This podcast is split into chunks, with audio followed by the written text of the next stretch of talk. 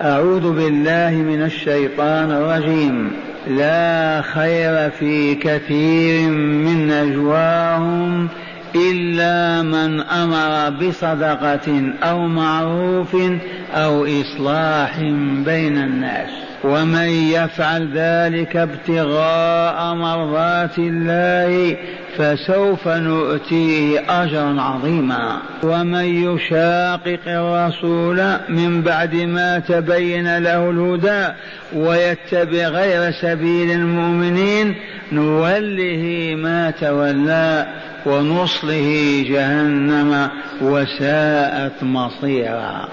لا خير في كثير من نجواهم إلا من أمر بصدقة أو معروف أو إصلاح بين الناس. ومن يفعل ذلك ابتغاء مرضات الله فسوف نؤتيه أجرا عظيما. ومن يشاقق الرسول من بعد ما تبين له الهدى ويتبع غير سبيل المؤمنين نوله ما تولى ونصله جهنم وساءت مصيرا.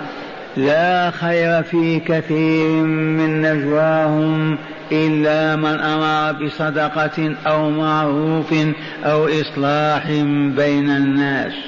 ومن يفعل ذلك ابتغاء مرضات الله فسوف نؤتيه أجرا عظيما. ومن يشاقق الرسول من بعد ما تبين له الهدى ويتبع غير سبيل المؤمنين نوله ما تولى ونصله جهنم وساءت مصيرا.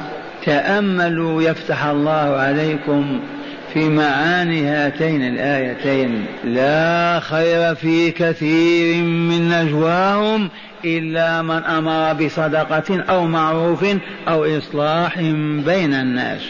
ومن يفعل ذلك ابتغاء مرضات الله فسنؤتيه أجر فسوف نؤتيه أجرا عظيما. ومن يشاقق الرسول من بعد ما تبين له الهدى ويتبع غير سبيل المؤمنين نوله ما تولى ونصله جهنم وساءت مصيرا. معاشر المستمعين والمستمعات من المؤمنين والمؤمنات من صاحب هذين الخبرين؟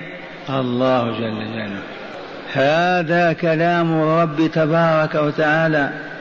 الذي أنزله على رسوله وخاتم أنبيائه محمد صلى الله عليه وسلم وهو على مقرب منا. وتلك حجراته وهذا مسجده. اسمع الخبر الأول. لا خير في كثير من نجواهم. ما هي النجوى؟ النجوى مصدر أو اسم مصدر ومعناها المسارة بالكلام وهي مأخوذة من النجوى التي هي المكان المرتفع. فالذي يأخذ رجلا من بيننا ويخلو به يساره قد نجا ناجاه رفعه إليه. لا خير يوجد قط في أية مناجاة. إلا ما استثنى الله عز وجل. وهذا من باب هداية الخلق وإصلاح البشرية. فربهم جل وعز ربهم تبارك وتعالى يريد كمالهم وسعادتهم. وإن قلت لما لأنه سيدهم ومولاهم. هو خالقهم ورازقهم وخالق الكون كله من أجلهم. فكيف إذا لا يريد إكمالهم وإسعادهم؟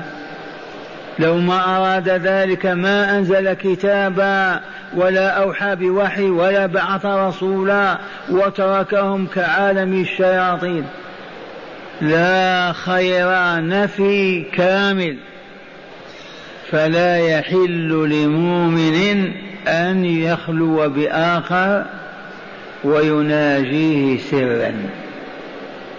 لقول الرسول المفسر المبين لا يتناجى اثنان دون الثالث. لا يتناجى اثنان دون الثالث.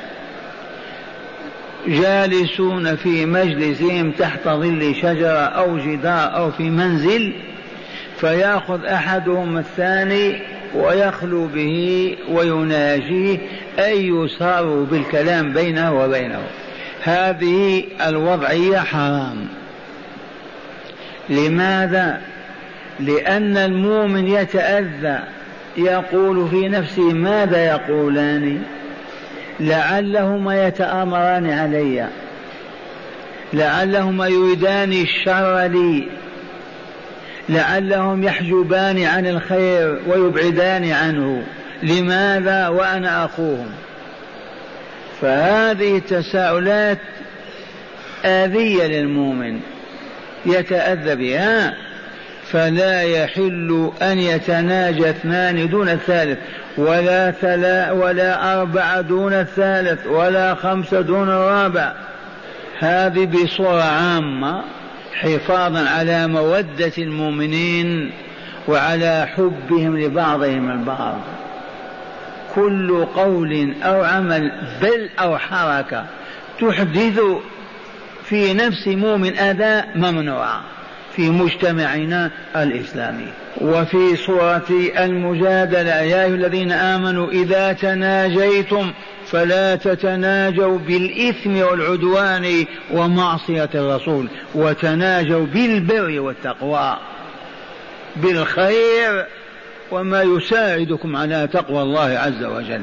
فليذكر أهل الحلقة من نساء ورجال أن السياق ما زال مع طعم ابن أبي أبيرق وإخوته الذين تناجوا وتآمروا بالليل واتهموا اليهود بسر بسرقة الدرع وهو منه من السرقة بريء.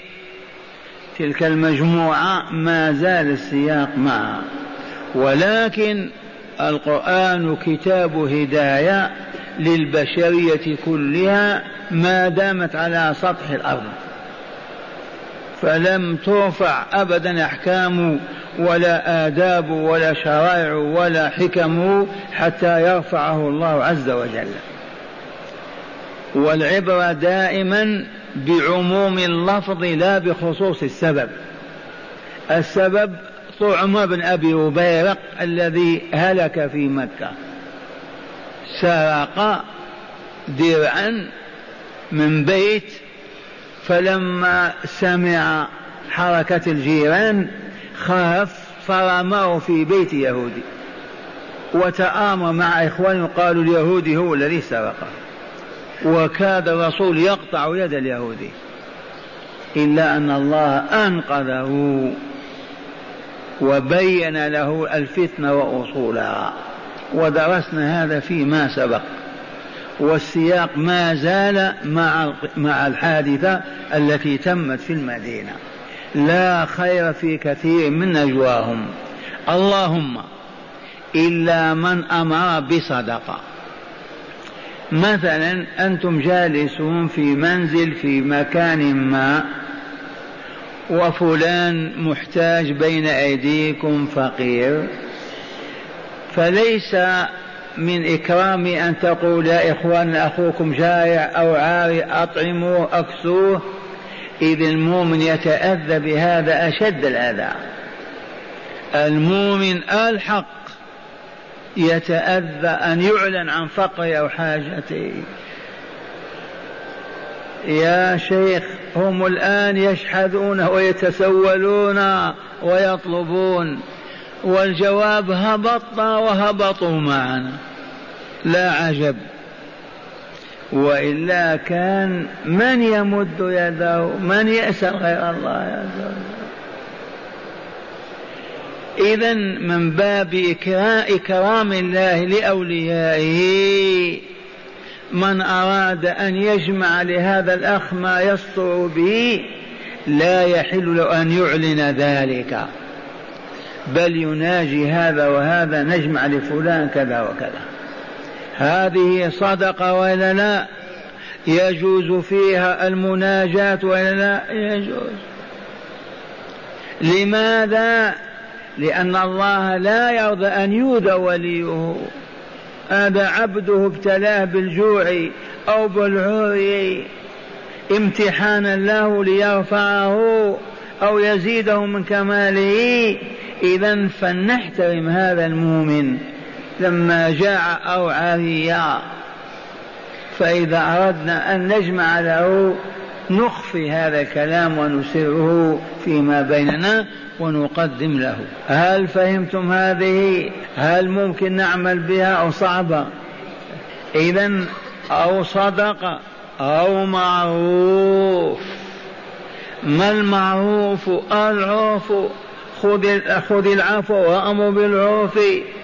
العرف والمعروف كل ما عرفه الله لنا في كتابه أو على لسان رسوله من أنواع البر والخير. وبعبارة أوضح كل ما أذن الله لنا في قوله أو فعله كل ما أمر الله بفعله أو قوله كل ما أمر الله منتدبا مستحبا لعباده أن يأتوا هو المعروف. والمعروف العام ضد المنكر.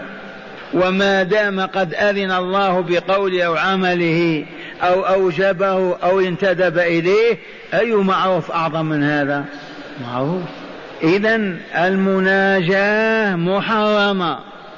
إلا أن تكون في أمر بصداقة وجمعها لمؤمن أو مؤمنة. حتى لا يفضح بين الناس ويؤذى. ثانيا أراد أن يأمر بمعروف. معروف خير. تبهتم. واقتضى الإسرار والمناجاة من أجله لا بأس ثالثا أو إصلاح بين الناس. أراد أن يصلح بين جماعتين أو بين قريتين أو بين شخصين.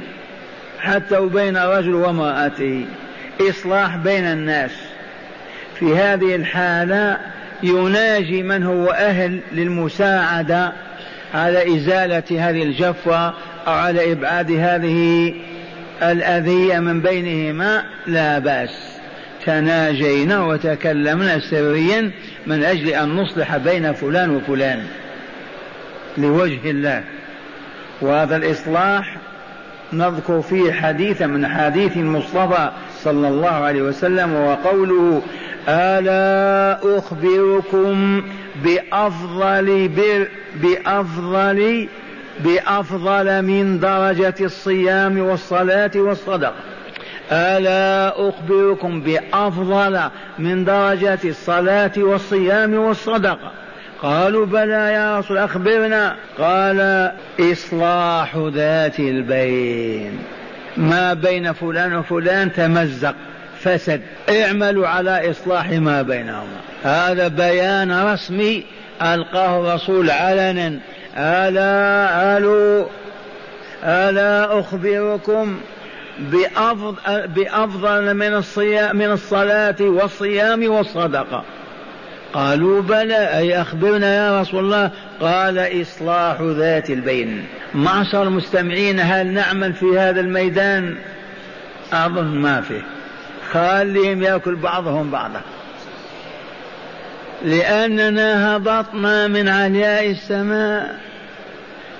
كنا سادة وقادة وهداة فاحتال علينا أعداء الله فهبطنا ها نحن في الأرض.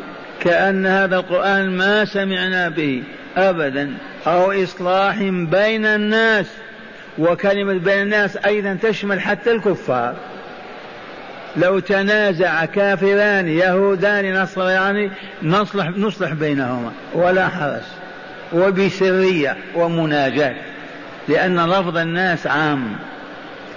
كيف نصلح بين الكفار؟ إي نعم نحن هداة الخلق. أليس كذلك؟ نحمل إليهم أنوار السماء ليعيشوا عليها كرماء أصفي أطهارا قالت العلماء هذه الثلاث جامعة لخير الدنيا والآخرة. في ثلاث كلمات. صدقة معروف إصلاح بين الناس. دعوة لنا معشر المؤمنين على أن نتصدق وأن نفعل المعروف وندعو إليه ونبشر به ونقيم إلى جنب نقيم إلى جنب أصحاب أنفسنا والإصلاح بين الناس أبيضهم وأسودهم. هذه الثلاثة. ويدلك على خيريتها قوله تعالى ومن يفعل ذلك ومن يفعل ذلك المذكور في الثلاثة في الصدقة وفي المعروف وفي الإصلاح بين الناس. من يفعل ذلك بشرط انتبهوا. ومن يفعل ذلك ابتغاء مرضات الله. لا لقومية ولا لعصبية ولا لقرابة ولا ولا يفعل ذلك طلبا أن يرضى الله عنه. فمن التفت في هذه الثلاثة يقوم بها إلى غير الله ما قبلها الله. ومن يفعل ذلك حال كونه طالبا لمرضاة ابتغاء مرضات الله. وابتغى الشيء طلبه بكل حواسه ومشاعره. ومع هذا أنه يتجرد عن القرابة عن الوطن عن القبيلة عن الفائدة المادية عن عن ولكن لا يريد إلا الله عز وجل. وهنا لا معنى لفلاسفة الدنيا لإصلاح المجتمع بل يفعل ذلك من أجل أن يرضى الله تعالى عنه. فإذا فاز برضا الله فاز بخيري الدنيا والآخرة. ومن يفعل ذلك ابتغاء مرضات الله فسوف نؤتيه أجرا عظيما. ألا وهو دار السلام. معشر المستمعين والمستمعات لما يعمل الناس ولا يريدون بهذا وجه الله ابتغاء مرضات الله؟ الجواب لأن أكثرهم ما عرفوا الله. والله العظيم. ومن لم يعرف الله كيف يعمل له؟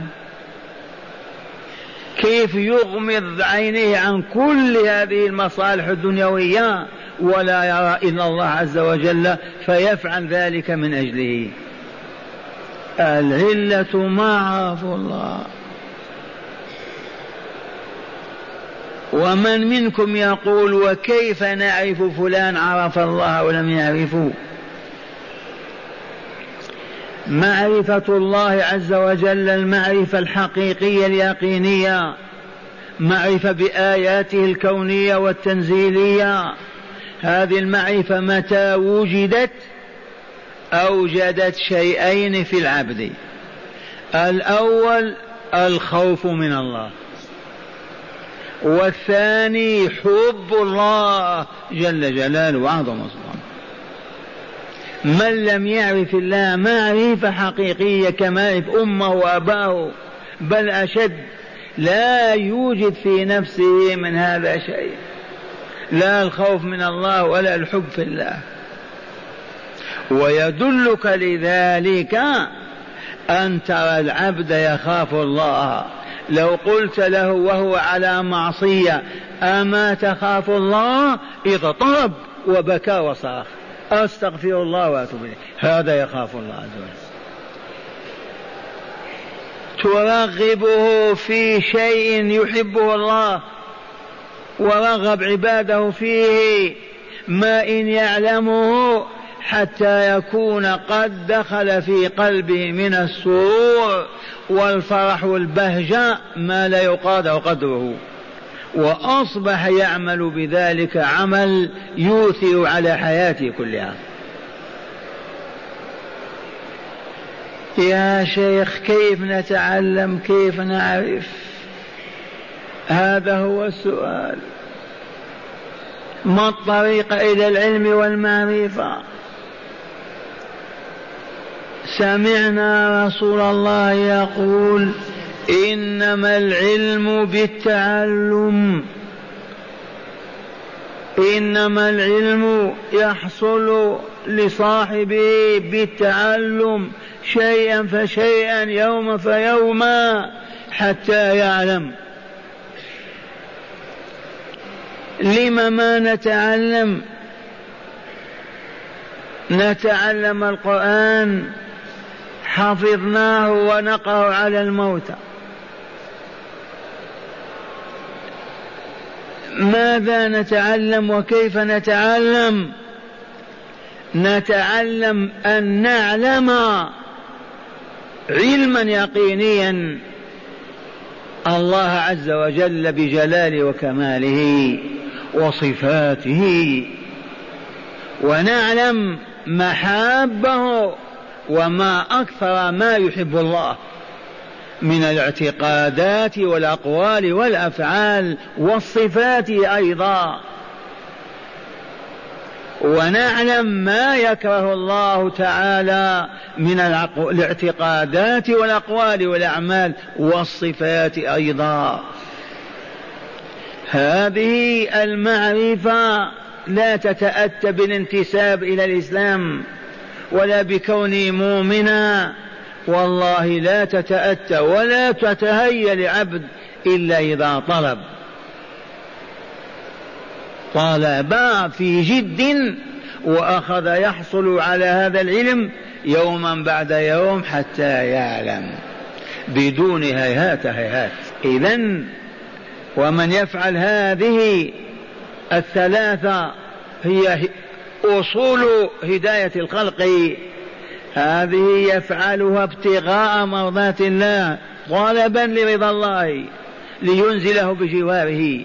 لا من أجل قرابة ولا من أجل وطن ولا من أجل أية علة أخرى فقط ابتغاء مرضات الله. فالله يعده ومن أصدق من الله وعدا وعهدا وحديثا فسوف نؤتي أجرا عظيما. إذا كان العظيم الله ويستعظم الأجر كم يكون هذا الأجر؟ كم تقدرونه؟ كوكبكم الأرض هذا تعرفون عنه؟ عرفتم عنه؟ هذا المؤمن هذا يعطى في الجنة أكثر من دنيانا سبع ثمان مرات عشر مرات. عرفتم؟ ساعة الملكوت الأعلى هذا الأجر العظيم الجنة دار السلام. والآن بعدما عرفنا زادنا الله معرفة. أننا لا نتناجى بالسوء والشر والأذى أبدا. وخذوا قاعدة قعدناها لأبنائنا. لو كانوا يعملون. أقول لهم اسمعوا. الكلام الذي لا أستطيع أن أقوله في المسجد النبوي لا أقوله في المنزل. عرفتم؟ الكلام الذي لا أستطيع أن أقوله في المسجد النبوي بين الناس لا نقوله في البيت أبدا. لأن الكلام الذي تتحاشى أن تقوله بين الناس معناه أنه غير مرضي لله تعالى. فتخفيه أنت وتقول في بيتك. فهل يصح هذا؟ المؤمن ظاهره كباطنه لا يفكر إلا فيما هو معروف وخير ولا ينطق إلا بما هو معروف وخير ولا يتحرك حركة يعمل إلا فيما هو خير ومعروف.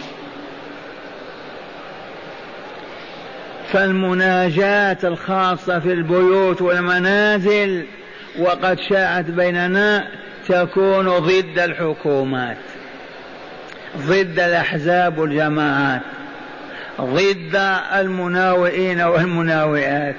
وهل المجتمع الإسلامي يكون هكذا؟ المسلم أخو المسلم لا يظلمه ولا يخذله ولا يكذبه. كل المسلم على المسلم حرام دمه وعرضه وماله. المؤمن للمؤمن كالبنيان يشد بعضه بعضا. فكيف تصار فلان وفلان سويا على أن تفعلوا كذا وكذا؟ أو تجحدوا الخير عنهم وتغطوا وتخفوا بينكم ولا يطلع عليه إخوانكم. هذه المسالك ليست ربانية ولا إسلامية. أبدا. لا يتناجى اثنان دون الثالث. يا أيها الذين آمنوا إذا تناجيتم فلا تتناجوا بالإثم والعدوان ومعصية الرسول. معاشر المستمعين والمستمعات من المؤمنين والمؤمنات من طلب وجد من أراد أن يعلم علم ومن أراد أن يعمل عمل ووفقه الله. فقط نقبل على ربنا في صدق ونسأله هدايتنا وتوفيقنا لما يحبه ويرضاه. والآن مع الآية الثانية قال ومن يشاقق الرسول من الرسول يرحمكم الله؟ محمد صلى الله عليه وسلم. أين يوجد ضريحه؟ آه؟ هناك. سبحان الله.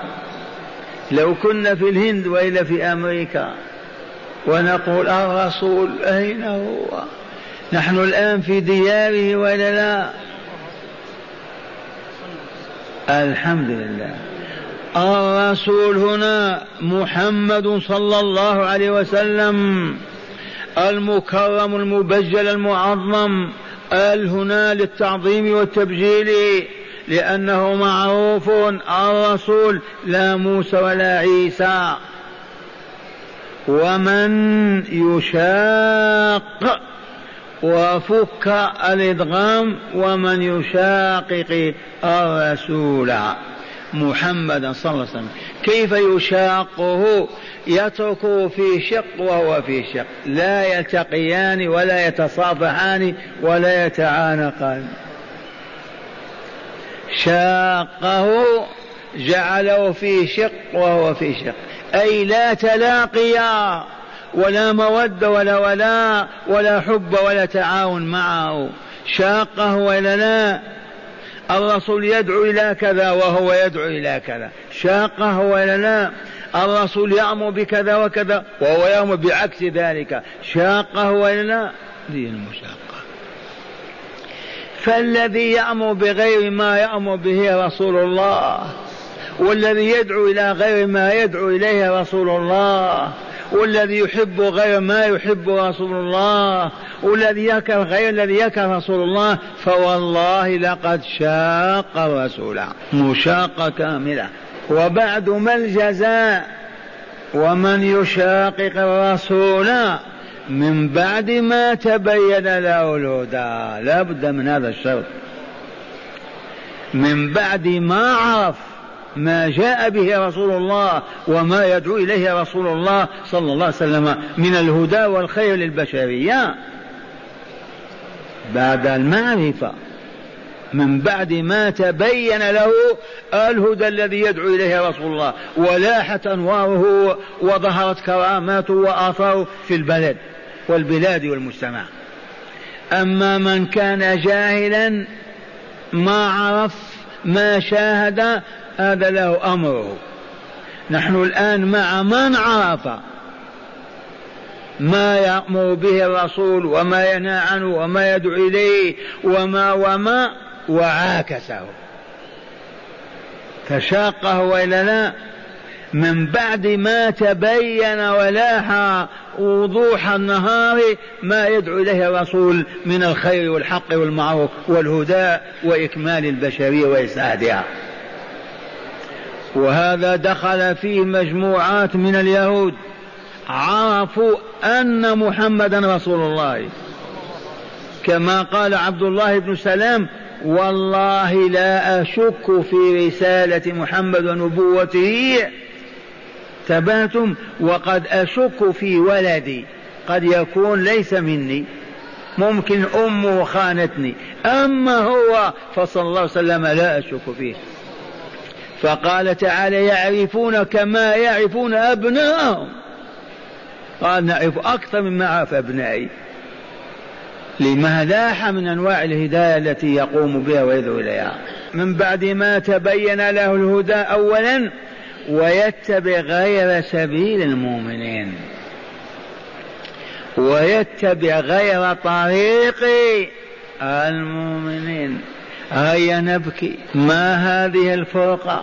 هذه الآية قال أهل العلم من كبار الصحابة والتابعين أنها دليل قطعي على الإجماع الإسلامي. إذا أجمع علماء الأمة المحمدية في أي عصر من عصورها على شيء يحرم الخروج عنه ولا يحل لمؤمن أن يخرج عن ذلك الإجماع ويعيش منفردا برأيه. وهكذا أهل القرية من قرآن الإسلامية العربية والعجمية. أتعرفون الإسلام ماذا يقول؟ أهل القرية يجب أن يجتمعوا على إمامهم واعظهم معلمهم مربيهم ولا يختلفون أبدا. ومن خالف وانفرد وقع في هذه الورطة. اتبع غير اتبع غير سبيل المسلمين. هذا إغلاق لكل نافذة أو قوة فضلا عن باب يدعو إلى الفرقة بين المسلمين. لما يا هذا لأن المسلمين يحملون راية الهدى يحملون راية لا إله إلا الله محمد رسول الله إلى البشرية كلها فهل يقدرون على رفعها وهم متنازعون متحاربون مختلفون؟ والله ما يستطيعون أو يستطيعون. وانظر إليهم لما تمذهبوا مذاهب وطرائق كذا وكذا سقطت الراية منهم وإلا لا استعمرهم الغرب وإلا لا أذلنا الغرب وإلا لا ما السبب؟ أولا عملوا على تمزيقنا وتشتيتنا وتفريقنا. وإن قلت كيف؟ كم من مذاهب موجودة في المسلمين؟ حتى مذاهب الحق الأربعة. تبهتم؟ والله ما ينبغي أن تكون ولكن الظروف وهي تباعد الديار. الديار كانت متباعدة ولا لا؟ الأندلسي لما يأتي المدينة يحتاج إلى كم شهر حتى يصل. والذين في مدن متناية كيف يعرفون؟ فقالوا لا بأس. هذه مثلا ما هذه المسائل جاءت عن إمام من أهل العلم أبي حنيفة أو أحمد أو مالك نعمل بها. يجوز. يجوز. بشرط واحد إذا صح عند أحمد أو مالك أو الشافعي أو أبو حنيفة الحديث الصحيح. لا يحل لمؤمن يقول أنا حنفي أو يقول أنا مالكي أو أنا حنبلي أو أنا شافعي. هذه المذاهب الحق. الأربعة الواردة لمصادر الكتاب والسنة. إذا بقينا في إقليم وأخذنا المذهب الفلاني نعمل به على أنه حق. لكن إذا جاءت السنة المبينة نقول اسمحوا لنا نحن وأحناف ما نعمل بهذا. والله ما يجوز وحرام هذا. أما المذاهب التي أعلنت خروجها عن جماعة المسلمين لا تسأل عنها ولا نذكرها فهي هالكة سبيل المؤمنين. الطريق الموصل إلى رضا الله عز وجل هو العمل بالكتاب القرآن العظيم. والسنة النبوية المبينة المفصلة الشارحة لما جاء في كتاب الله عز وجل. هذا هو سبيل المؤمنين. وما آتاكم الرسول فخذوه وما نهاكم عنه فانتهوا.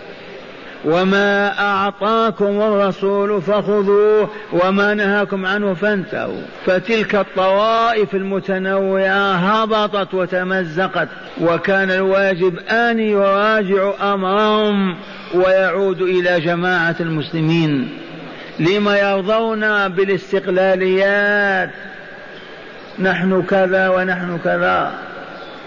المهم هذا الوعيد الإلهي. ومن يشاقق الرسول ما معنى يشاقه؟ ما يقبل قوله. تأتيه السنة يرفضها لا لشيء إلا لهواه أو شهوة أو مادة أو الحفاظ على مركز أو الإبقاء على منافع دنيوية. ومن يشاقق الرسول من بعد ما تبين له الهدى. ولاحة أنواره وعرف أن هذا هو الحق. ويتبع غير سبيل المؤمنين. ما يمشي مع المؤمنين في طريقهم الموصل إلى رضا ربهم وهو العمل بالكتاب والسنة عقيدة وقول وفعل وصفات. هؤلاء قال تعالى نوله ما تولى. ما معنى نوله ما تولى؟ نتركه لما طلب إلا إذا تاب وأناب فالله عز وجل يمد يده إليه ويقبله. أما ما دام مصرا على هذا الهوى وهذه الشهوة وهذا الباطل يتركه لذلك. نوله الآن في الدنيا ما تولاه. سنة الله عز وجل. هذا نظام الأسباب. رغبت عن الله ورسوله رغبت عن جماعة المسلمين واخترت غيرهم يتركك الله لهم. إلا إذا عرفت الطريق ورجعت إذا ندمت وبكيت يقبلك. ما دمت حيا قبل الآخرة. نوله ما تولى ونصله جهنم وساءت مصيرا. نوله ما تولى نتركه لما طلب. ما ننزل عليه ملك يبين له أو يأخذه نتركه لما طلبه. من الخروج عن جماعة المسلمين. ولكن في الآخرة بعد الموت نصله نحرقه بجهنم. نصليه جهنم وساءت جهنم مصيرا يصير إليه الآدمي. ساءت مصير ولا لا؟ ماذا تعرفون عن جهنم؟ يسقى أهلها الماء يصب على رؤوسهم الحميم فيصهر بطونهم. ماذا نعرف عن أصحاب جهنم؟ تعظم أجسامهم وتكبر حتى يكون عرض الإنسان 35 كيلو متر 135 كيلو متر أي كما بين أبو القاسم صلى الله عليه وسلم ما بين كتفي الكافر في النار كما بين مكة وقديد. 135 كيلو. ضرسه نابه والله كجبل أحد. هذا ليخلد في عالم الشقاء بلا نهاية. أمر ما يطاق هذا. ونصله جهنم وساءت مصيرا. لو كانت الأعمار ما تنتهي نقول متى هذا؟ لكننا نشاهد أنفسنا نقبض يوميا ونؤخذ من بين أهلنا وذوينا في من أثبت حياته وقال لن أموت حتى لا نعذب. ما دام خلق ثم يميت ثم يحيي. ولا يميت بعد ذلك لا يموت فيها ولا يحيا. معاشر المستمعين والمستمعات من المؤمنين والمؤمنات اولا عرفنا هذه الآداب الإسلامية ما يتناجى اثنان دون آخر يؤذونه كذا ولا لا؟ ثانيا إذا كان كنا نتناجى لواحدة من هذه الثلاثة إما صدقة وإما إصلاح بين اثنين أو معروف. ليفعلوا إخواننا أذن الله لنا في هذا. عرفنا؟ ثم بعد ذلك نعمل إن شاء الله على أن نكون من أهل هذه الصفات الثلاثة.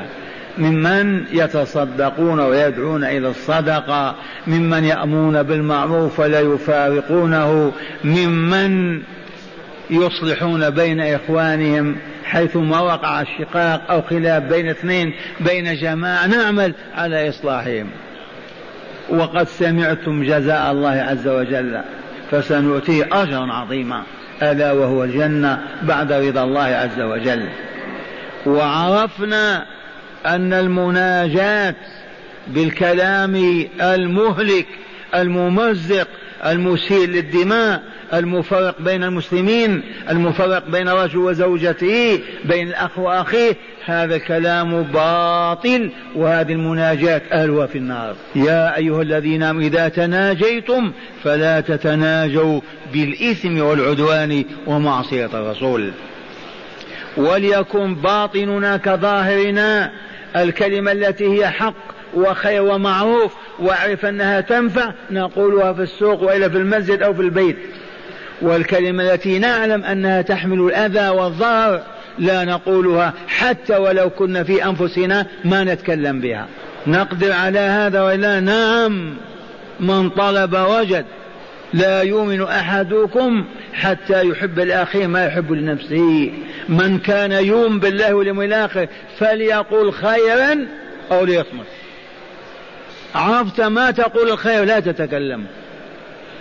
ولنذكر قول الحبيب صلى الله عليه وسلم ماذا قال؟ إذا لم تستحي فاصنع ما شئت. إذا لم تستحي من الله ولم تخفه تفعل كل شيء. فلا بد من مراقبة الله عز وجل. نعيش ما نعيش مع الله عند الأكل عند الشرب في كل حالين مع الله نراقبه ونطلب رضاه ونبتغيه. وبذلك نظفر إن شاء الله. أخيرا إياكم والتحزب والتجمع. في أي بلد قول أنا مسلم؟ لا تقول حنفي ولا وطني ولا ولا. من أنت يرحمك الله؟ مسلم. موني بأمر الله وانهاني بنهي الله. موني بأمر رسول الله وانهاني بنهي رسول الله. أنا معك. أما حزب أما جماعة أما منظمة أما كتتل, تكتل أما دولة وإقليم هذا ممحو عندنا معشر المؤمنين والمؤمنات. حتى لا نخرج عن جماعة المسلمين.